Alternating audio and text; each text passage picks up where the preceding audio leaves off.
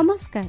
ଆରମ୍ଭ କରୁଛୁ ଆମର ବାଇବଲ ଅଧ୍ୟୟନର କାର୍ଯ୍ୟକ୍ରମ ପଥ ପ୍ରଦର୍ଶିକା। ପବିତ୍ର ବାଇବଲ କହେ ହେ ପରିଶ୍ରାନ୍ତ ଓ ଭାରଗ୍ରସ୍ତ ଲୋକ ସମସ୍ତେ ମୋ ନିକଟକୁ ଆସ। ମୁଁ ତୁମମାନଙ୍କୁ ବିଶ୍ରାମ ଦେବି। ଆସନ୍ତୁ ସେହି ଜୀବନଦାତାଙ୍କର ପରିଚୟ ପାଇ ଜୀବନରେ ବାସ୍ତବ ଶାନ୍ତି ଓ ମୁକ୍ତି ପାଇବା ନିମନ୍ତେ ଶୁଣିବା ବେତାର କାର୍ଯ୍ୟକ୍ରମ ପଥ ପ୍ରଦର୍ଶିକା।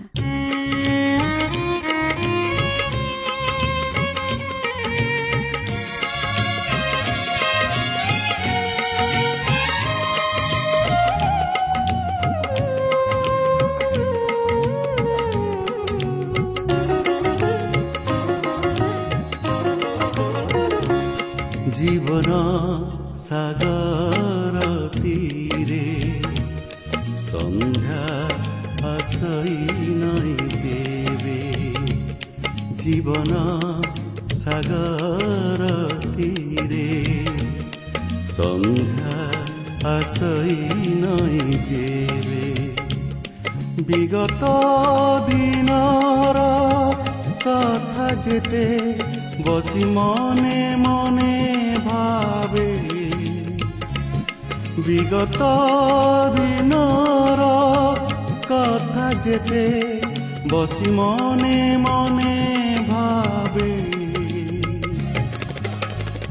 ସମର୍ପି ନିଜକୁ ତୁମ ପାଦ ତଳେ ସମର୍ପି ନିଜକୁ ତୁମ ପାଦ ତଳେ ମହୋଦଧି ପାରିହେବି କେବେ ଜୀବନ ସାଗର ତୀରେ ସନ୍ଧ୍ୟା ଆସଇ ନାଇଁ ଯେବେ ଜୀବନ ସାଗର ಬಂದಿರೆ ಸಂಧ್ಯಾ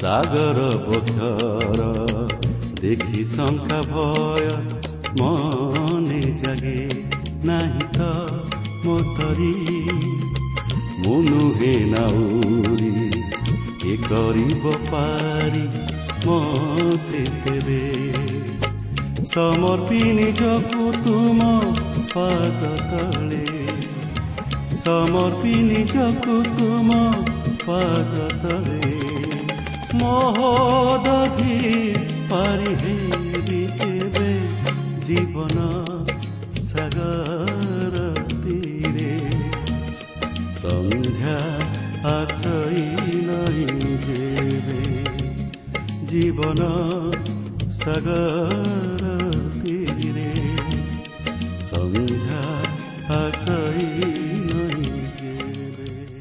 ପ୍ରିୟ ଶ୍ରୋତା ବନ୍ଧୁ ଆଜିର ଏହି ଶୁଭ ଅବସରରେ ଆମମାନଙ୍କର ସୃଷ୍ଟିକର୍ତ୍ତା ତଥା ଉଦ୍ଧାରକର୍ତ୍ତା ପ୍ରଭୁ ଯୀଶୁଖ୍ରୀଷ୍ଟଙ୍କ ବହୁମୂଲ୍ୟ ନାମରେ ଶୁଭେଚ୍ଛା ଜଣାଇ ଆଜିର ଏହି ପଥ ପ୍ରଦର୍ଶିକା କାର୍ଯ୍ୟକ୍ରମରେ ଅଂଶ ହେବା ନିମନ୍ତେ ଆପଣଙ୍କୁ ସ୍ୱାଗତ ଜଣାଏ। ଆପଣଙ୍କର ସହଯୋଗ ନିମନ୍ତେ ବିଶେଷ ଧନ୍ୟବାଦ। ଆପଣଙ୍କର ପ୍ରାର୍ଥନାର ଅନୁରୋଧ ରକ୍ଷା କରି ଆମେ ମଧ୍ୟ ଆପଣଙ୍କ ନିମନ୍ତେ ପ୍ରାର୍ଥନା କରୁଅଛୁ। ଆଉ ସେହି ପ୍ରଭୁ ଯୀଶୁ ନିଶ୍ଚିତ ଭାବରେ ଆପଣଙ୍କର ସମସ୍ୟା ସମାଧାନ କରିବେ। ଆସନ୍ତୁ ତାହେଲେ ଏହି ସୁଯୋଗରେ ଆମେ ପ୍ରଭୁଙ୍କର ବାକ୍ୟ ମଧ୍ୟକୁ ଯିବା ପୂର୍ବରୁ ପ୍ରାର୍ଥନାର ସହିତ ପ୍ରଭୁଙ୍କ ବାକ୍ୟର ନିକଟବର୍ତ୍ତୀ ହେବା। ଆସନ୍ତୁ ପ୍ରାର୍ଥନା କରିବା। ପବିତ୍ର ପ୍ରଭୁ ତୁମର ପବିତ୍ର ନାମର ଧନ୍ୟବାଦ କରୁଅଛୁ ତୁମର ଜୀବନ୍ତ ବାକ୍ୟ ପାଇଁ। ପ୍ରଭୁ ତୁମର ବାକ୍ୟ ହିଁ ଆମମାନଙ୍କ ଜୀବନ ପାଇଁ ଶାନ୍ତିଦାୟକ ସାନ୍ତ୍ୱନାଦାୟକ ଭରସାଦାୟକ ଏବଂ ଆମମାନଙ୍କ ନିମନ୍ତେ ଶକ୍ତିଦାୟକ। ତେଣୁ ପବିତ୍ର ପ୍ରଭୁ ସେହି ବାକ୍ୟକୁ ଯେପରି ଆମମାନେ ନିଜ ନିଜର ହୃଦୟରେ ଗ୍ରହଣ କରି ତଦନୁଯାୟୀ ଜୀବନଯାପନ କରିବାକୁ ପାରିବ। ଏହି ଅନୁଗ୍ରହ ତୁମେ ପ୍ରତ୍ୟେକଙ୍କ ପ୍ରତି ଦାନ କର। ପ୍ରତ୍ୟେକ ଶ୍ରୋତାବନ୍ଧୁମାନଙ୍କୁ ତୁମେ ଆଶୀର୍ବାଦ କର।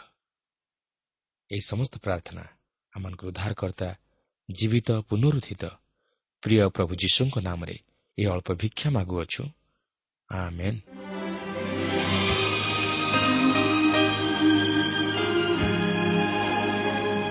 ଆସନ୍ତୁ ବର୍ତ୍ତମାନ ଆମେ ପ୍ରଭୁଙ୍କର ବାକ୍ୟ ମଧ୍ୟକୁ ଯିବା। ଆଜି ଆମେ ଦ୍ୱିତୀୟ ସାମୁଏଲ ଦୁଇ ପର୍ବର ବାର ପଦରୁ ଆରମ୍ଭ କରି ତିନି ପର୍ବର ଅଣଚାଳିଶ ପଦ ପର୍ଯ୍ୟନ୍ତ ଅଧ୍ୟୟନ କରିବା ନିମନ୍ତେ ଯିବା। ତେବେ ଏଠାରେ ମୁଁ ଆପଣଙ୍କୁ ସ୍ମରଣ କରାଇଦିଏ ଯେ ସାଉଲଙ୍କର ପୁତ୍ର ଇସ୍ବୋସତ ଇସ୍ରାଏଲ୍ ବଂଶ ଉପରେ ରାଜା ହେଲେ ଓ ଦାଉଦ ଜିହୁଦା ବଂଶ ଉପରେ ରାଜା ହେଲେ ଓ ଜିହୁଦା ବଂଶ ଦାଉଦଙ୍କର ପଶ୍ଚାଦଗାମୀ ହେଲେ। ଇସିବୋସତ ଇସ୍ରାଏଲ୍ ବଂଶ ଉପରେ ଦୁଇ ବର୍ଷ ରାଜ୍ୟତ କରିବା ବେଳେ ଦାଉଦ ଜିହୁଦା ବଂଶ ଉପରେ ସାତ ବର୍ଷ ଛଅ ମାସ ରାଜ୍ୟତ କଲେ। ତେବେ ଆଗକୁ କ'ଣ ଘଟିବା ପାଇଁ ଯାଉଅଛି ଆସନ୍ତୁ ବର୍ତ୍ତମାନ ଲକ୍ଷ୍ୟ କରିବା। ଦୁଇ ପର୍ବର ବାର ଓ ତେର ପଦରେ ଏହିପରି ଲେଖା ଅଛି ଅନନ୍ତର ନରର ପୁତ୍ର ଅବନର ଓ ସାଉଲଙ୍କର ପୁତ୍ର ଇସିବସତର ଦାସମାନେ ମହନଇମ୍ରୁ ବାହାରି ଗିବିଓନ୍କୁ ଗଲେ। ସେତେବେଳେ ସରୁୟାର ପୁତ୍ର ଜୟାବ ଓ ଦାଉଦଙ୍କର ଦାସଗଣ ବାହାରି ଗିବିଓନ୍ର ପୁଷ୍କରିଣୀ ନିକଟରେ ସେମାନଙ୍କୁ ଭେଟିଲେ ପୁଣି ସେମାନଙ୍କର ଏକ ଦଳ ପୁଷ୍କରିଣୀର ଏକ ପାଖରେ ଅନ୍ୟ ଦଳ ପୁଷ୍କରିଣୀର ଅନ୍ୟ ପାଖରେ ବସିଲେ। ଦେଖନ୍ତୁ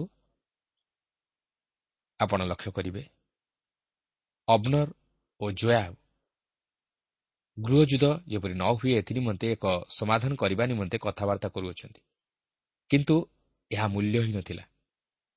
କାରଣ ଯେତେବେଳେ ଉଭୟ ପକ୍ଷ ନିଜ ନିଜର ସିଦ୍ଧାନ୍ତରେ ଦୃଢ଼ ସଂକଳ୍ପବଦ୍ଧ ଓ ଉଭୟ ଦଳର ଚିନ୍ତାଧାରା ଅଲଗା ପ୍ରକାରର ସେ କ୍ଷେତ୍ରରେ ଏହାର ସମାଧାନ ନିମନ୍ତେ କୌଣସି ପଦକ୍ଷେପ ନେବା ମଧ୍ୟ ମୂଲ୍ୟହୀନ। ଆଉ ତାହା ହିଁ ଠିକ୍ ଏହି ଦୁଇ ଦଳଙ୍କ ମଧ୍ୟରେ ଘଟିଲା। ଦେଖନ୍ତୁ ଦୁଇ ପର୍ବର ଚଉଦରୁ ଷୋହଳ ପଦ ମଧ୍ୟରେ ଲେଖା ଅଛି ଯେ ଅବନର କହିଲା ଯୁବାମାନଙ୍କୁ ଆମମାନଙ୍କ ସମ୍ମୁଖରେ ଉଠି ଖେଳିବା ପାଇଁ କହନ୍ତୁ।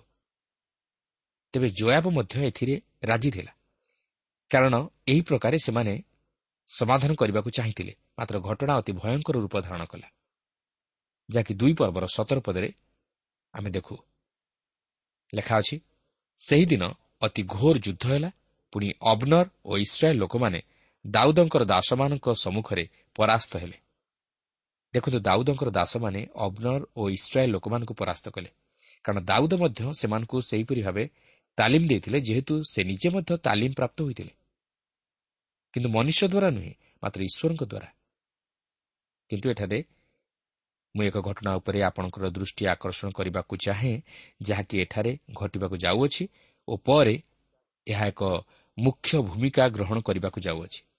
ଏଠାରେ ଆମେ ଅସାହେଲ ବିଷୟ ନେଇ କିଛି ଉଲ୍ଲେଖ ହୋଇଥିବାର ଲକ୍ଷ୍ୟ କରୁଅଛୁ ଯେ କି ସାଉଲଙ୍କର ସେନାପତି ଅବନର ପଛରେ ଦୌଡ଼ିଗଲା। ଏହି ଅସାହେଲ ଜୟାବର ଭାଇ ଥିଲା ଓ ସେ ଦାଉଦଙ୍କର ସେନାପତି ଥିଲା। ମାତ୍ର ଅବନର ସାଉଲଙ୍କର ସେନାପତି ଥିଲା। ଏହାପରେ ଦୁଇ ପର୍ବର ଅଠର ପଦରେ ଆମେ ଦେଖୁ ଯେ ଏହି ସରୁୟା ଦାଉଦଙ୍କର ଭଉଣୀ ଥିଲା ଓ ତାହାର ତିନୋଟି ପୁତ୍ର ଥିଲେ। ଏହାପରେ ଉଣେଇଶ ପଦରେ ଆମେ ଦେଖୁ ଯେ ଅସାହେଲ ଅବନର ପଛରେ ଦୌଡ଼ିଗଲା। କିନ୍ତୁ ସେ ଅବନର ସହିତ ସମକକ୍ଷ ନଥିଲା ଓ ଅବନର ମଧ୍ୟ ତାହାକୁ ସତର୍କ କରାଇ ଦେଇଥିଲା। ଏହାପରେ କୋଡ଼ିଏରୁ ତେଇଶ ପଦ ମଧ୍ୟରେ ଆମେ ଦେଖୁ ଯେ ଅବନର ଅସାହେଲକୁ ସତର୍କ କରାଇ ଦେଇଥିଲା ଯେପରି ଅସାହେଲ ଅବନରର ପଶ୍ଚାତଗମନରୁ ଫେରିଯାଏ। ମାତ୍ର ଅସାହେଲ ଫେରିଲା ନାହିଁ ଫଳରେ ଅବନର ତାହାକୁ ଆଘାତ କରନ୍ତି ସେ ସେହିଠାରେ ପଡ଼ିମଲା। ଅବନର ଜୟାବର ଭାଇ ଅସାହେଲକୁ ବଧ କଲା। ଯାହାଫଳରେ ଜୟାବର ହୃଦୟରେ ପ୍ରତିଶୋଧର ବହ୍ନି ପ୍ରଜ୍ୱଳିତ ହେଲା। ଓ ତାହାର ମନରେ ତିକ୍ତତା ବଢ଼ିଲା ଯାହାକି ପରେ ତାହା ବିଦ୍ରୋହର ସୂତ୍ରପାତ କଲା। ଆମେ ପରେ ତାହା ଅଧ୍ୟୟନ କରିବା ସମୟରେ ଜାଣିବାକୁ ପାରିବା। ଏହାପରେ ଦୁଇ ପର୍ବର ଚବିଶରୁ ବତିଶ ପଦ ମଧ୍ୟରେ ଆମେ ଦେଖୁ ଯେ ଜୟାବର ହୃଦୟରେ ପ୍ରତିଶୋଧର ବହ୍ନି ପ୍ରଜ୍ୱଳିତ ହେଲା। ଯଦିଓ ସେ ଅବନରକୁ ଏହି ସମୟରେ ବଦ୍ଧ କରିପାରିନଥିଲା ମାତ୍ର ପରେ ତାହା ଭୟଙ୍କର ରୂପ ଧାରଣ କରିଥିଲା। ଏଠାରେ ଅର୍ଥାତ୍ ଏହି ପର୍ବରେ ଅସାହେଲର ସମାଧି ମଧ୍ୟରେ ଏହି ପର୍ବଟି ସମାପ୍ତ ହୁଏ ଓ ଜୟାବ ନିଜର ଭାଇକୁ ସମାଧି ଦେଇ ସାରିବା ପରେ ସେ ଓ ତାହାର ଲୋକମାନେ ରାତ୍ରିଯାକ ଚାଲି ଚାଲି ସକାଳ ହେବା ବେଳକୁ ଆସି ହିବ୍ରଣରେ ପହଞ୍ଚିଲେ ଓ ଦାଉଦଙ୍କୁ ସମସ୍ତ ଘଟଣା ଜଣାଇଲେ। କିନ୍ତୁ ଏଠାରେ ଏହି ପର୍ବ ମଧ୍ୟରେ ଆମେ ଦେଖୁ ଯେ ଦାଉଦ ଜିହୁଦା ଉପରେ ରାଜା ହେଲେ ଈଶ୍ୱର ତାହାଙ୍କୁ ଅନେକ ଅନୁଭୂତି ମଧ୍ୟ ଦେଇ କଢ଼ାଇ ଆଣି ତାହାଙ୍କ ଜୀବନରେ ତାଙ୍କର ଅଭିମତକୁ ସଫଳ କରିବାକୁ ଯାଉଅଛନ୍ତି। ଯଦିଓ ଦାଉଦଙ୍କ ବିରୁଦ୍ଧରେ ଅନେକ ଶତ୍ରୁ ମୁଣ୍ଡ ଟେକି ଉଠିଥିଲେ। ମାତ୍ର ସେହି ସମସ୍ତ ଶତ୍ରୁମାନଙ୍କ ଉପରେ ସେ ଦାଉଦଙ୍କୁ ଜୟ ପ୍ରଦାନ କରାଇଲେ। ଦାଉଦ ହିବ୍ରଣରେ ଜିହୁଦା ବଂଶ ଉପରେ ସାତ ବର୍ଷ ଛଅ ମାସ ରାଜତ୍ୱ କରିଥିଲେ। କେବଳ ସେତିକି ନୁହେଁ ସେ ମଧ୍ୟ ଇସ୍ରାଏଲ୍ ବଂଶ ଉପରେ ରାଜତ୍ୱ କଲେ ଯାହାକି ଆମେ ପରେ ଅଧ୍ୟୟନ କରି ଜାଣିବାକୁ ପାରିବା। କିନ୍ତୁ ତଥାପି ତାହାଙ୍କ ଜୀବନରେ ପାପ ପ୍ରବେଶ କରିବାରୁ ତାହାଙ୍କ ଜୀବନରେ ବିଫଳତା ଦେଖାଦେଇଥିଲା। ଆଉ ତାହା ଥିଲା ବ୍ୟଭିଚାର ଜନିତ ପାପ। ପ୍ରିୟ ବନ୍ଧୁ ଈଶ୍ୱର କାହାର ମୁଖାପେକ୍ଷା କରନ୍ତି ନାହିଁ। ସେ ତାହାଙ୍କର ଭକ୍ତମାନଙ୍କୁ ମଧ୍ୟ ଶାସ୍ତି ଦିଅନ୍ତି ଓ ଶାସନ କରନ୍ତି। ଦାଉଦ ତାହାଙ୍କର ପ୍ରିୟ ପାତ୍ର ଥିବାରୁ ଯେ ସେ ତାହାଙ୍କର ପାପ ସବୁକୁ ଉପେକ୍ଷା କରିଥିଲେ ତାହା ନୁହେଁ। ମାତ୍ର ସେ ତହିଁର ସମୁଚିତ ଫଳ ମଧ୍ୟ ତାହାଙ୍କୁ ଭୋଗ କରିବା ନିମନ୍ତେ ଦେଇଥିଲେ। କାରଣ ସେ ପାପକୁ ଘୃଣା କରନ୍ତି। ମାତ୍ର ଦାଉଦଙ୍କ ଜୀବନରେ ମଧ୍ୟ ଏକ ମହାନ ପରିବର୍ତ୍ତନ ଘଟିଥିଲା। ସେ ଯଦିଓ ପାପ କରିଥିଲେ ମାତ୍ର ସେ ତାହା ଅନୁତାପ କରି ସ୍ୱୀକାର କରି କ୍ଷମା ମାଗିବାରୁ ଉଦ୍ଧାର ପାଇଲେ। ଈଶ୍ୱରଙ୍କର ଆଶୀର୍ବାଦର ଅଧିକାରୀ ହେଲେ। ଈଶ୍ୱରଙ୍କର ମହାନ ପ୍ରତିଜ୍ଞା ମଧ୍ୟ ସଫଳ ହେଲା। ତାହାଙ୍କ ବଂଶରୁ ଜଣେ ଉଦ୍ଧାରକର୍ତ୍ତାଙ୍କର ଏହି ଜଗତକୁ ଆଗମନ ହେଲା। ସେ ହେଉଛନ୍ତି ପ୍ରଭୁ ଯୀଶୁଖ୍ରୀଷ୍ଟ। ଯେ କି ସମଗ୍ର ମାନବ ଜାତିକୁ ପାପରୁ ଉଦ୍ଧାର କରିବା ନିମନ୍ତେ ଏହି ଜଗତକୁ ଆଗମନ କଲେ ସେଥିପାଇଁ ତାହାଙ୍କୁ ଦାଉଦ ସନ୍ତାନ ବୋଲି କୁହାଯାଏ। କିନ୍ତୁ ସେ ନିଷ୍ପାପ ଓ ନିଷ୍କଳଙ୍କ ଥିଲେ। ଓ ସମଗ୍ର ମାନବ ଜାତିର ପାପ ନିମନ୍ତେ ପ୍ରାୟଶ୍ଚିତ ବଳି ସ୍ୱରୂପେ ତାଙ୍କର ପବିତ୍ର ରକ୍ତ ଦେଇ ଆଜି ଆମମାନଙ୍କ ନିମନ୍ତେ ମୁକ୍ତି ସାଧନ କଲେ। ପ୍ରିୟ ବନ୍ଧୁ ଆଜି ଯଦି ଆମ ଜୀବନରେ ଆମେ ପାପକୁ ସ୍ଥାନ ଦେଇଛୁ ଓ ବ୍ୟଭିଚାର ରୂପକ ପାପରେ ଲିପ୍ତ ଅଛୁ ତାହେଲେ ଈଶ୍ୱରଙ୍କର ସେହି ବିଚାର ଆସି ଉପସ୍ଥିତ ହେବା ପୂର୍ବରୁ ନିଜର ପାପ ନିମନ୍ତେ ଅନୁତାପ କରି ତାହା ପ୍ରଭୁ ଯୀଶୁଖ୍ରୀଷ୍ଟଙ୍କଠାରେ ସ୍ୱୀକାର କରୁ। ତାହେଲେ ଆମେ ପାପରୁ ଉଦ୍ଧାର ପାଇ ସେହି ଅନନ୍ତ ଜୀବନର ପଥରେ ଅଗ୍ରସର ହୋଇପାରିବା ଓ ଈଶ୍ୱରଙ୍କର ଆଶୀର୍ବାଦ ସବୁର ଅଧିକାରୀ ହୋଇପାରିବା। କିନ୍ତୁ ପାପ କରି ଓ ସେହି ପାପକୁ ଛପାଇ ରଖିବାକୁ ଚେଷ୍ଟା କରି ପାପ ଉପରେ ପାପ କରି ଈଶ୍ୱରଙ୍କର ଅଭିଶାପର ପାତ୍ରପାତ୍ରୀ ନ ହେଉ। ବର୍ତ୍ତମାନ ଆମେ ଦ୍ୱିତୀୟ ସାମୁଏଲ ପୁସ୍ତକର ତିନି ପର୍ବ ମଧ୍ୟକୁ ଯିବା। ତିନି ପର୍ବର ପ୍ରଥମ ପଦରେ ଲେଖା ଅଛି ଅନନ୍ତର ସାଉଲ ବଂଶ ଓ ଦାଉଦ ବଂଶ ମଧ୍ୟରେ ଦୀର୍ଘକାଳ ଯୁଦ୍ଧ ହେଲା ପୁଣି ଦାଉଦ ବେଳକୁ ବେଳ ବଳବାନ ହେଲେ ମାତ୍ର ସାଉଲ ବଂଶ ବେଳକୁ ବେଳ କ୍ଷୀଣ ହେଲେ। ଏଠାରେ ଆମେ ଏକ ଗୃହଯୁଦ୍ଧର ବିଷୟକୁ ଲକ୍ଷ୍ୟ କରୁଅଛୁ। ଏହି ଗୃହଯୁଦ୍ଧ ଇସ୍ରାଏଲ୍ ଜାତିକୁ ଦୁର୍ବଳ କରିଦେଲା। ସେମାନଙ୍କ ମଧ୍ୟରେ ସଦାସର୍ବଦା ଯୁଦ୍ଧ ଲାଗି ରହିବା ଦ୍ୱାରା ସେମାନଙ୍କର ଆତ୍ମିକ ଜୀବନର ମଧ୍ୟ ଅଧପତନ ଘଟିଲା। ସେମାନେ ଅନ୍ୟାନ୍ୟ ଉନ୍ନତିମୂଳକ ବିଷୟ ପ୍ରତି ଦୃଷ୍ଟି ଦେଇପାରିଲେ ନାହିଁ। କିନ୍ତୁ ଆମେ ଦେଖୁ ଯେ ଦାଉଦ ବେଳକୁ ବେଳ ବଳବାନ ହେଲେ। ମାତ୍ର ସାଉଲ ବଂଶ ବେଳକୁ ବେଳ କ୍ଷୀଣ ହେଲେ। ଯେହେତୁ ଦାଉଦ ସଦାପ୍ରଭୁଙ୍କ ସପକ୍ଷରେ ଛିଡ଼ା ହୋଇଥିଲେ ମାତ୍ର ସାଉଲଙ୍କ ବଂଶ ସଦାପ୍ରଭୁଙ୍କର ଇଚ୍ଛା ବିରୁଦ୍ଧରେ ଯାଇଥିଲେ। ମାତ୍ର ଦାଉଦ ସଫଳତାର ପଥରେ ଅଗ୍ରସର ହେଲେ। ଏହାପରେ ତିନି ପର୍ବର ଦୁଇ ପଦରୁ ପାଞ୍ଚ ପଦ ମଧ୍ୟରେ ଆମେ ଦେଖୁ ଯେ ଦାଉଦଙ୍କ ପରିବାରର ଏକ ଚିତ୍ର ପ୍ରଦାନ କରାଯାଇଅଛି ଆପଣ ଦେଖିପାରୁଥିବେ ଯେ ଦାଉଦଙ୍କର ଦୁଇଟି ସ୍ତ୍ରୀଠାରୁ ଅଧିକ ସ୍ତ୍ରୀ ଥିଲେ। ଓ ଏହା ଦାଉଦଙ୍କ ନିମନ୍ତେ ଏକ ଘୋର ସମସ୍ୟାର କାରଣ ହେଲା। ଈଶ୍ୱର ତାହା ଦାଉଦଙ୍କ ଜୀବନରୁ ଆଶା କରିନଥିଲେ ଦାଉଦଙ୍କ ପୁତ୍ରମାନଙ୍କ ମଧ୍ୟରେ ଅବସାଲମ ନାମକ ଏକ ପୁତ୍ର ଥିଲା। ଆପଣ ତାହା ବିଷୟରେ ଜାଣିଛନ୍ତି କି ନାହିଁ ତାହା ମୁଁ କହିପାରିବି ନାହିଁ। ମାତ୍ର ପରେ ଆମେ ତାହା ବିଷୟ ନେଇ ମଧ୍ୟ ଜାଣିବାକୁ ପାରିବା। କିନ୍ତୁ ଏଠାରେ ମୁଁ ଚୁମ୍ବକରେ ଆପଣଙ୍କୁ କହି ରଖେ ଯେ ଏହି ଅବସାଲମ ଯିଏକି ଦାଉଦଙ୍କର ପୁତ୍ର ଥିଲେ ସେ ଦାଉଦଙ୍କ ବିରୁଦ୍ଧରେ ମଧ୍ୟ ବିଦ୍ରୋହ କରିଥିଲେ। କିନ୍ତୁ ଏହି ପୁତ୍ର ଯାହାକୁ ଦାଉଦ ରାଜା ହିସାବରେ ମଧ୍ୟ ମାନୁଥିଲେ ସେହି ପୁତ୍ର ଜୟାବ ଦ୍ୱାରା ଯୁଦ୍ଧରେ ଅତି ନୃଶଂସ ଭାବେ ହତ ହୋଇଥିଲା। କିନ୍ତୁ ଏହା ଦାଉଦଙ୍କ ହୃଦୟରେ ଏକ ମସ୍ତ ବଡ଼ ଆଘାତ ପହଞ୍ଚାଇଥିଲା। ସେହି ଅବସାଲମର ମାତା କିଏ ଥିଲା? ମାଖା ଯିଏକି ଗସୁରର ରାଜା ତନ୍ମୟର କନ୍ୟା ଥିଲା। ଗସୁରର ରାଜା କିଏ ଥିଲା? ଯଦି ଆମେ ପ୍ରଥମ ସାମୁଏଲ ସତେଇଶ ପର୍ବର ଆଠ ପଦକୁ ଫେରିଯିବା ତାହେଲେ ସେଠାରେ ଦେଖିବାକୁ ପାରିବା ଯେ ଦାଉଦ ଓ ତାହାଙ୍କର ଲୋକମାନେ ଗସୁରୀୟ ଓ ଅମାଲିକୀୟମାନଙ୍କୁ ଆକ୍ରମଣ କରି ସେମାନଙ୍କୁ ପରାସ୍ତ କରିଥିଲେ। କିନ୍ତୁ ଦାଉଦ ଏପରି କରିବା ଦ୍ୱାରା ମସ୍ତ ବଡ଼ ଭୁଲ କଲେ। କାରଣ ସେ ଗସୁରର ରାଜା ସମେତ ତାହାର ଲୋକମାନଙ୍କୁ ବଦ୍ଧ କଲେ ଏବଂ ତାହାର କନ୍ୟାକୁ ବନ୍ଦୀ କରି ନେଇ ଆସିଲେ। ସେ ପରେ ପରେ ତାହାକୁ ମଧ୍ୟ ନିଜର ସ୍ତ୍ରୀ ରୂପେ ଗ୍ରହଣ କଲେ। ସେମାନଙ୍କର ଏକ ପୁତ୍ର ସନ୍ତାନ ଜନ୍ମିଲା। ଏ ସେହି ପୁତ୍ର ଅବସାଲମ ଯିଏକି ଦାଉଦଙ୍କ ବିରୁଦ୍ଧରେ ବିଦ୍ରୋହ କରିଥିଲା। ମୋର ପ୍ରିୟ ବନ୍ଧୁ ଈଶ୍ୱର ମଧ୍ୟ ତହିଁ ପ୍ରତି ଦୃଷ୍ଟିପାତ କରିଥିଲେ ଓ ସେ ଦାଉଦଙ୍କୁ ତାହାଙ୍କ ପାପର ସମୁଚିତ ଫଳ ମଧ୍ୟ ଭୋଗ କରିବାକୁ ଦେଲେ। ତାହା ହିଁ ଏଠାରେ ଲକ୍ଷ୍ୟ କରିବାର ଗୁରୁତ୍ୱପୂର୍ଣ୍ଣ ବିଷୟ। କିନ୍ତୁ ବର୍ତ୍ତମାନ ଆମେ ଏକ ଅଦ୍ଭୁତ ପରିବର୍ତ୍ତନ ଘଟିବାର ଲକ୍ଷ୍ୟ କରିବାକୁ ଯିବା ସାଉଲଙ୍କର ସେନାପତି ଅବନର ଦାଉଦଙ୍କ ସହିତ ଯୋଗ ଦେଉଅଛନ୍ତି। କାରଣ ସେ ଯଦିଓ ସାଉଲଙ୍କର ପୁତ୍ର ଇସିବସୋଦକୁ ଇସ୍ରାଏଲ୍ ବଂଶ ଉପରେ ରାଜା ରୂପେ ସ୍ଥାପନ କରିଥିଲେ ମାତ୍ର ପରେ ସେମାନଙ୍କ ଉଭୟଙ୍କ ମଧ୍ୟରେ ମତାନ୍ତର ଘଟିଲା। ତାଛଡ଼ା ଅବନର ମଧ୍ୟ ସେହି ଅବସାଲମର କଥାକୁ ଶୁଣିବା ନିମନ୍ତେ ପ୍ରସ୍ତୁତ ନଥିଲେ। ତେଣୁକରି ସେମାନଙ୍କ ମଧ୍ୟରେ ମତ ପାର୍ଥକ୍ୟ ଘଟିବାରୁ ଅବନର ଦାଉଦଙ୍କ ସହିତ ବନ୍ଧୁତା ସ୍ଥାପନ କରିବାକୁ ଚାହିଁଲେ। ସେ ଯାହା କରିବା ଉଚିତ ନଥିଲା ତାହା ସେ କଲେ। ତିନି ପର୍ବର ସାତ ଆଉ ଆଠ ପଦରେ ଆମେ ଦେଖୁ ଯେ ଅବନର ଯାହା କରିବା ଉଚିତ ନଥିଲା ତାହା ସେ କରିବସୁଛି। ସେ ରାଜାଙ୍କର ଅଧିକାର ମଧ୍ୟରେ ହସ୍ତକ୍ଷେପ କରୁଅଛି।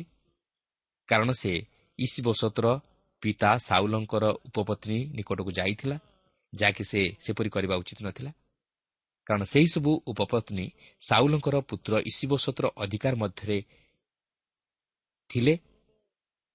ଯେହେତୁ ସେ ସାଉଲଙ୍କ ପରେ ତାହାଙ୍କ ପଦରେ ରାଜା ହୋଇଥିଲେ। କିନ୍ତୁ ଇସିବୋସତ ତହିଁରେ ସନ୍ତୁଷ୍ଟ ନଥିଲେ। ତେଣୁ ଇସିବୋସତ ଅବନରର ଏହିପରି କାର୍ଯ୍ୟ ନିମନ୍ତେ ତାହାକୁ ଅନୁଯୋଗ କଲେ। ମାତ୍ର ଅବନର ତାହା ଗ୍ରହଣ କରିବା ନିମନ୍ତେ ପ୍ରସ୍ତୁତ ନଥିଲେ। ତେଣୁ ଅବନର ଓ ଇସିବୋସତ ମଧ୍ୟରେ ତିକ୍ତତା ଜାତ ହେଲା ଓ ଅବନର ଏହାର ପ୍ରତିଶୋଧ ନେବା ପାଇଁ ଦାଉଦଙ୍କ ସହିତ ବନ୍ଧୁତା ସ୍ଥାପନ କଲା। ତିନି ପର୍ବର ନଅ ପଦରୁ ଏଗାର ପଦ ମଧ୍ୟରେ ଆମେ ଦେଖୁ ଯେ ଅବନର ସାଉଲଙ୍କ ପକ୍ଷ ପରିତ୍ୟାଗ କରି ଦାଉଦଙ୍କ ସହିତ ସାମିଲ ହେଲେ ଓ ଦାଉଦ ଯେପରି ଇସ୍ରାଏଲ୍ ବଂଶ ଉପରେ ରାଜା ହୁଅନ୍ତି ଏଥି ନିମନ୍ତେ ତାହାଙ୍କୁ ସାହାଯ୍ୟ କଲେ।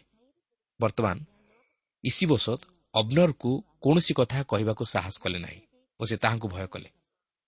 କାରଣ ସେ ସେହିପରି ଜଣେ ଅଭିଜ୍ଞ ଶାସକ ନଥିଲେ କି ରାଜ୍ୟ ଶାସନ ଉପରେ ତାହାଙ୍କର କୌଣସି ଦକ୍ଷତା ନଥିଲା। ସେ ତାହାଙ୍କର ଭାଇ ଜୋନାଥନଙ୍କ ପରି ଜଣେ ଯୋଦ୍ଧା ମଧ୍ୟ ନଥିଲେ।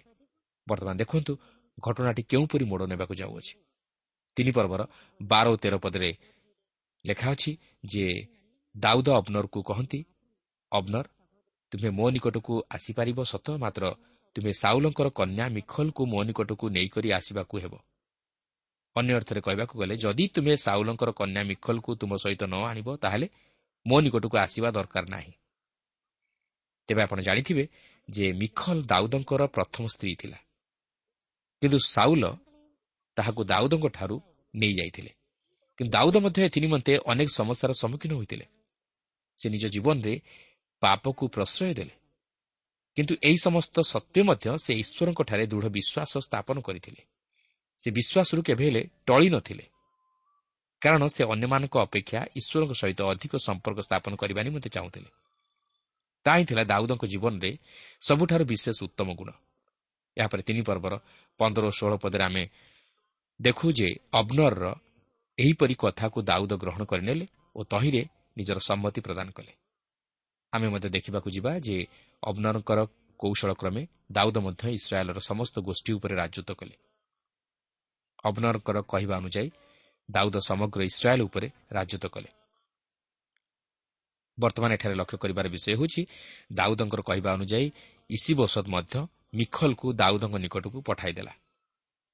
ଏହାପରେ ସତର ପଦରୁ ଛବିଶ ପଦ ମଧ୍ୟରେ ଆମେ ଦେଖୁ ଯେ ଅବନର କୌଶଳ କରି ଦାଉଦଙ୍କୁ ଇସ୍ରାଏଲ୍ ଉପରେ ରାଜା କରିବା ପାଇଁ ଯୋଜନା କରି ଦାଉଦଙ୍କ ନିକଟକୁ ଗଲା ଓ ତାହାଙ୍କୁ ସମସ୍ତ ବିଷୟ ଜଣାଇଦେଲା।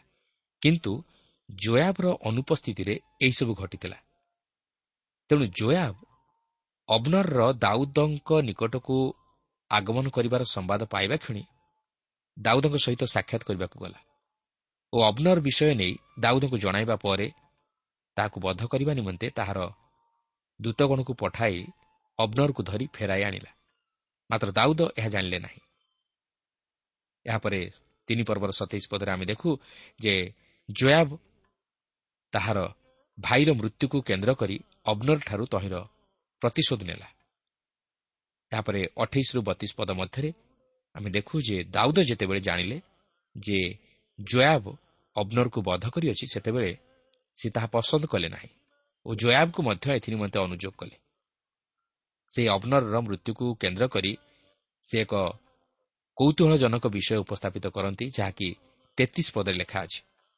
ପୁଣି ରାଜା ଅବନର ପାଇଁ ବିଳାପ କରି କହିଲେ ଯେପରି ମୁଢ଼ ମରେ ସେପରିକି ଅବନରକୁ ମରିବାକୁ ହେଲା?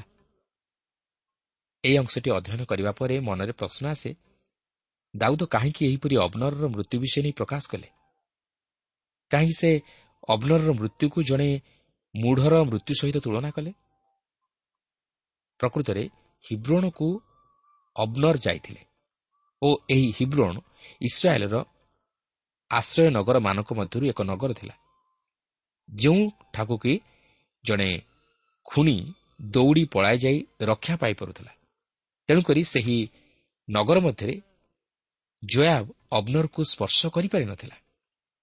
ତେଣୁକରି ସେ ଅବନରକୁ ଚକ୍ରାନ୍ତ କରି ତାହାକୁ ସେହି ନଗରର ବାହାରକୁ ନେଇଯାଇ ହତ୍ୟା କରିଥିଲା।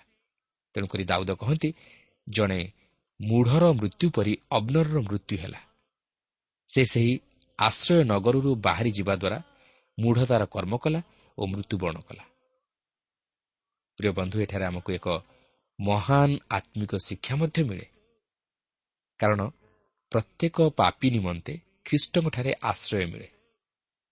ସେ ଯେତେ ବଡ଼ ପାପ କରିଥାଉ ନା କାହିଁକି ଯଦି ସେ ଖ୍ରୀଷ୍ଟଙ୍କଠାରେ ତାହା ସ୍ୱୀକାର କରେ ତାହେଲେ ସେ ତାହାକୁ ଉଦ୍ଧାର କରିବେ ଓ ତାହାକୁ ସୁରକ୍ଷା ପ୍ରଦାନ କରିବେ। ଶୟତାନ କେବେ ହେଲେ ତାହାକୁ ବିନଷ୍ଟ କରିପାରିବ ନାହିଁ। କିନ୍ତୁ ସେ ଯେତେ ବଡ଼ ମାନ୍ୟଗଣ୍ୟ ଲୋକ ହୋଇଥାଉ ନା କାହିଁକି ବା ଯେତେ ବଡ଼ ଚତୁର ଲୋକ ହୋଇଥାଉ ନା କାହିଁକି ଯଦି ସେ ନିଜର ପାପ ନିମନ୍ତେ ଅନୁତାପ ନ କରେ ଓ ଖ୍ରୀଷ୍ଟଙ୍କଠାରେ ଆଶ୍ରୟ ନ ନିଏ ତାହେଲେ ସେ କେବେ ହେଲେ ନିଜର ପାପରୁ ଉଦ୍ଧାର ପାଇପାରିବ ନାହିଁ ବରଂ ଆହୁରି ଅଧିକରୁ ଅଧିକ ପାପ କରି ଶୟତାନର ଶିକାର ହେବ ଓ ଶେଷରେ ତାହାର ଜୀବନ ନର୍କଗାମୀ ହେବ। ପ୍ରିୟ ବନ୍ଧୁ ଏହି ସମସ୍ୟା ତଥା ବିପଦପୂର୍ଣ୍ଣ ଜୀବନ ମଧ୍ୟରେ ଯଦି ଆମେ ଖ୍ରୀଷ୍ଟଙ୍କଠାରୁ ଦୂରବର୍ତ୍ତୀ ଜୀବନଯାପନ କରୁ ତାହେଲେ ଆମେ ଶୟତାନର ଶିକାର ହେବା ଓ ସେ ଆମମାନଙ୍କୁ ଭୁଲାଇ ନେଇ ଆମମାନଙ୍କ ଜୀବନକୁ ବିନଷ୍ଟ କରିବ। ସେଦିନ ଅବନର ଜୟାବର ଚକ୍ରାନ୍ତକୁ ବୁଝିପାରିନଥିଲା। ଆଉ ଠିକ୍ ସେହିପରି ଶୟତାନର ଚକ୍ରାନ୍ତକୁ ବୁଝିବା ଏତେ ସହଜ ନୁହେଁ। ସେ କେଉଁ ମୁହୂର୍ତ୍ତରେ କେଉଁପରି ଭାବେ ଆସି ଆମକୁ ଭୁଲାଇବ ତାହା ମଧ୍ୟ ଆମେ ଜାଣୁନା। କିନ୍ତୁ ଆମେ ଯଦି ଖ୍ରୀଷ୍ଟଙ୍କ ସହିତ ସଂଯୁକ୍ତ ହୋଇଥିବା ଓ ତାହାଙ୍କଠାରେ ଆଶ୍ରୟ ନେଇଥିବା ତାହେଲେ ସେ ଆମମାନଙ୍କୁ ସ୍ପର୍ଶ କରିପାରିବ ନାହିଁ। କି ଆମମାନଙ୍କର କିଛି କ୍ଷତି ଘଟାଇ ପାରିବ ନାହିଁ। ସେହି ପ୍ରଭୁ ଯୀଶୁଖ୍ରୀଷ୍ଟ ଆମମାନଙ୍କୁ ଶୈତାନ ଉପରେ ବିଜୟୀ ହେବା ନିମନ୍ତେ ଶକ୍ତି ଦେବେ ଓ ଆମେ ଶୈତାନର ସମସ୍ତ ପରୀକ୍ଷା ତଥା ପ୍ରଲୋଭନ ଉପରେ ଜୟଯୁକ୍ତ ଜୀବନଯାପନ କରିବା ନିମନ୍ତେ ସମର୍ଥ ହୋଇପାରିବା। ତେଣୁ ଆସୁ ସେହି ପ୍ରଭୁ ଯୀଶୁଖ୍ରୀଷ୍ଟଙ୍କଠାରେ ଆଶ୍ରୟ ନେଇ ଶୈତାନ ହସ୍ତରୁ ନିଜକୁ ରକ୍ଷା କରିବା ସଙ୍ଗେ ସଙ୍ଗେ ବିନାଶରୁ ନିଜର ଜୀବନକୁ ରକ୍ଷା କରୁ। ଏହାପରେ ତିନି ପର୍ବର ଚଉତିରିଶରୁ ଅଣଚାଳିଶ ପଦରେ ଆମେ ଦେଖୁ ଯେ ଅବନର ପାଇଁ ଲୋକମାନେ ବିଳାପ କରିବା ସଙ୍ଗେ ସଙ୍ଗେ ଦାଉଦ ଯେ ଅବନରକୁ ବଧ କରିନାହାନ୍ତି ଏହା ଲୋକମାନେ ମଧ୍ୟ ଜାଣିଲେ ଓ ଜୟାବକୁ ତହିଁ ନିମନ୍ତେ ଦୋଷୀ ସାବ୍ୟସ୍ତ କଲେ। ପ୍ରିୟ ବନ୍ଧୁ ଈଶ୍ୱର ଆମମାନଙ୍କର ନ୍ୟାୟ ବିଚାରକର୍ତ୍ତା। ସେ ପାପକୁ କେବେ ହେଲେ ପ୍ରଶ୍ରୟ ଦିଅନ୍ତି ନାହିଁ କି ସେ ମନୁଷ୍ୟର କେବେ ହେଲେ ମୁକାପେକ୍ଷା କରନ୍ତି ନାହିଁ। ସେ ଦାଉଦଙ୍କ ପରି ଲୋକର ବିଚାର କରିଥିଲେ। ଆଉ ସେ ଆଜି ଆମମାନଙ୍କର ମଧ୍ୟ ବିଚାର କରିବା ପାଇଁ ଯାଉଅଛନ୍ତି। କିନ୍ତୁ ଆମେ ଯଦି ନିଜର ପାପ ନିମନ୍ତେ ଅନୁତାପ ନ କରୁ ଆଉ ସେହି ପାପ ସବୁକୁ ପ୍ରଭୁ ଯୀଶୁଙ୍କର କୃଷ ନିକଟରେ ସ୍ୱୀକାର ନ କରୁ ଓ ତହି ନିମନ୍ତେ କ୍ଷମା ନ ମାଗୁ ତାହେଲେ ଆମେ କେବେ ହେଲେ ଉଦ୍ଧାର ପାଇପାରିବା ନାହିଁ। ଆଉ ସେହି ଶୈତାନ ଆମମାନଙ୍କୁ ବିନଷ୍ଟ କରିବ। କାରଣ ସେ ସିଂହ ପ୍ରାୟ ଗର୍ଜନ କରି କାହାକୁ ଗ୍ରାସିବ ଏହା ଖୋଜି ବୁଲୁଅଛି। ତେଣୁ ପ୍ରିୟ ବନ୍ଧୁ ଆମେ ଜାଣି ରଖିବା ଉଚିତ ଯେ ଆମମାନେ ଦୁର୍ବଳ ମନୁଷ୍ୟ। ଆମମାନେ କେବେ ହେଲେ ନିଜର ଧର୍ମକର୍ମ ନେଇ ପବିତ୍ର ଈଶ୍ୱରଙ୍କର ସହଭାଗିତା ଲାଭ କରିପାରିବା ନାହିଁ। ଆମମାନଙ୍କର ପାପର ପ୍ରତିକାର ହେବାକୁ ଅଛି। ଆମମାନଙ୍କର ପାପ ସମସ୍ୟାର ସମାଧାନ ହେବାକୁ ଅଛି ଏବଂ ଆମମାନଙ୍କୁ ସେହି ଖ୍ରୀଷ୍ଟଙ୍କଠାରେ ଆଶ୍ରୟ ନେବାକୁ ଅଛି। ତା ନହେଲେ ଦିନ ଆସିବ। ଶୈତାନ ଆମମାନଙ୍କୁ ନେଇ ସେ ଅନନ୍ତ ନର୍କରେ ନିକ୍ଷେପ କରିବ। ତେଣୁ ଆସୁ ସେହି ଅନନ୍ତ ନରକରୁ ଉଦ୍ଧାର ପାଇବା ନିମନ୍ତେ ସେହି ଅନନ୍ତ ନରକର ଜ୍ୱାଳାରୁ ରକ୍ଷା ପାଇବା ନିମନ୍ତେ ଆମମାନେ ସୁଯୋଗ ଥାଉଁ ଥାଉଁ ପ୍ରଭୁ ଯୀଶୁଖ୍ରୀଷ୍ଟଙ୍କ ନିକଟକୁ ଫେରି ଆସୁ। ତାହାଙ୍କଠାରେ ଅଛି ଆଶ୍ରୟ। ସେ ଆମଙ୍କର ଅନନ୍ତ ଜୀବନଦାତା। ତାହାଙ୍କଠାରେ ଅଛି ଅନନ୍ତ ଶାନ୍ତି। ତାହାଙ୍କଠାରେ ଅଛି ଅନନ୍ତ ଆଶୀର୍ବାଦ। ତେଣୁ ଆସୁ ସେହି ଅନନ୍ତ ଜୀବନ ନିମନ୍ତେ ଆମମାନେ ଲାଳାୟିତ ହେଉ ଏବଂ ଖ୍ରୀଷ୍ଟଙ୍କଠାରେ ଆଶ୍ରୟ ନେଇ ପାପରୁ ଉଦ୍ଧାର ପାଇ ଅନନ୍ତ ଜୀବନ ଅଧିକାରୀ ହେଉ। ପ୍ରଭୁ ପ୍ରତ୍ୟେକଙ୍କୁ ଆଶୀର୍ବାଦ କରନ୍ତୁ। ଜୀବନ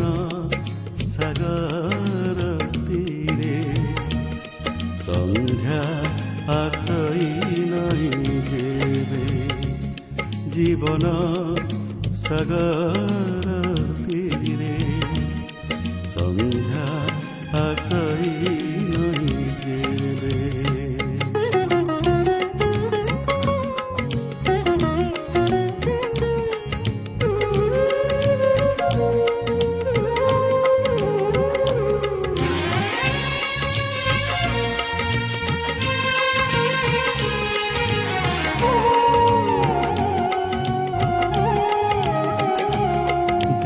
ଦେଖୁଛି ଦିଗନ୍ତେ ତରିଟିଏ ବାହି ଡାକି କହୁଛ ହାତ ବଢାଇ ଚିନ୍ତା ଛାଡ଼ି ମୋ ହାତ ଧରିଲେ ପାର ଦିଶେ ଖେଳି ଯିବି ମୁଁ ତୋତେ ସମର୍ପି ନିଜକୁ ତୁମ ପାଦ ତଳେ ସମର୍ପି ନିଜକୁ ତୁମ ପାଦ ତଳେ ମହୋଦଧି ପାରି ହେବି କେବେ ଜୀବନ ସାଗର ତୀରେ ସନ୍ଧ୍ୟା ଆସଇ ନହିଁ ଯେବେ ଜୀବନ ସାଗର ତୀରେ আশাই নাই হেৰে বিগত দিনৰ কথা যেতে বসি মনে মনে ভাবে। বিগত দিনৰ কথা যেতে বসি মনে মনে ভাবে। সমতি নিজক ପ୍ରିୟ ଶ୍ରୋତା ଆମର କାର୍ଯ୍ୟକ୍ରମ ନିୟମିତ ଶୁଣୁଥିବାରୁ ଅଶେଷ ଧନ୍ୟବାଦ। ଆପଣ ଏହି କାର୍ଯ୍ୟକ୍ରମ ଶୁଣିବା ଦ୍ୱାରା ଆତ୍ମିକ ଜୀବନରେ ଉପକୃତ ହୋଇପାରିଥିବେ ବୋଲି ଆମର ବିଶ୍ୱାସ। ପ୍ରଭୁ ଯୀଶୁଙ୍କ ବିଷୟରେ ଅଧିକ ଜାଣିବାର ଆଗ୍ରହ ଥିଲେ ଅଥବା ଉପାଦେୟ ପୁସ୍ତକର ଆବଶ୍ୟକ ଥିଲେ ଆମ ସହ ଯୋଗାଯୋଗ କରନ୍ତୁ। ଆମର ଠିକଣା ପଥ ପ୍ରଦର୍ଶିକା Trans World Radio India post box number ତିନି ତିନି ଭୁବନେଶ୍ୱର ସାତ ପାଞ୍ଚ ଏକ ଶୂନ ଶୂନ ଏକ। Mobile number nine seven double seven double two one four one five ঠিকনাটি আউথরে শুনন্তু পথ প্রদর্শিকা Trans World Radio India post box number three three Bhubaneswar seven five one zero zero one mobile number nine seven double seven double two one four one five আমার email আড্রেসটি লিখে রাখুন Odia TV at radio eight eight two dot com ତେବେ ଆଜି ପାଇଁ ବିଦାୟ ଦିଅନ୍ତୁ। ନମସ୍କାର।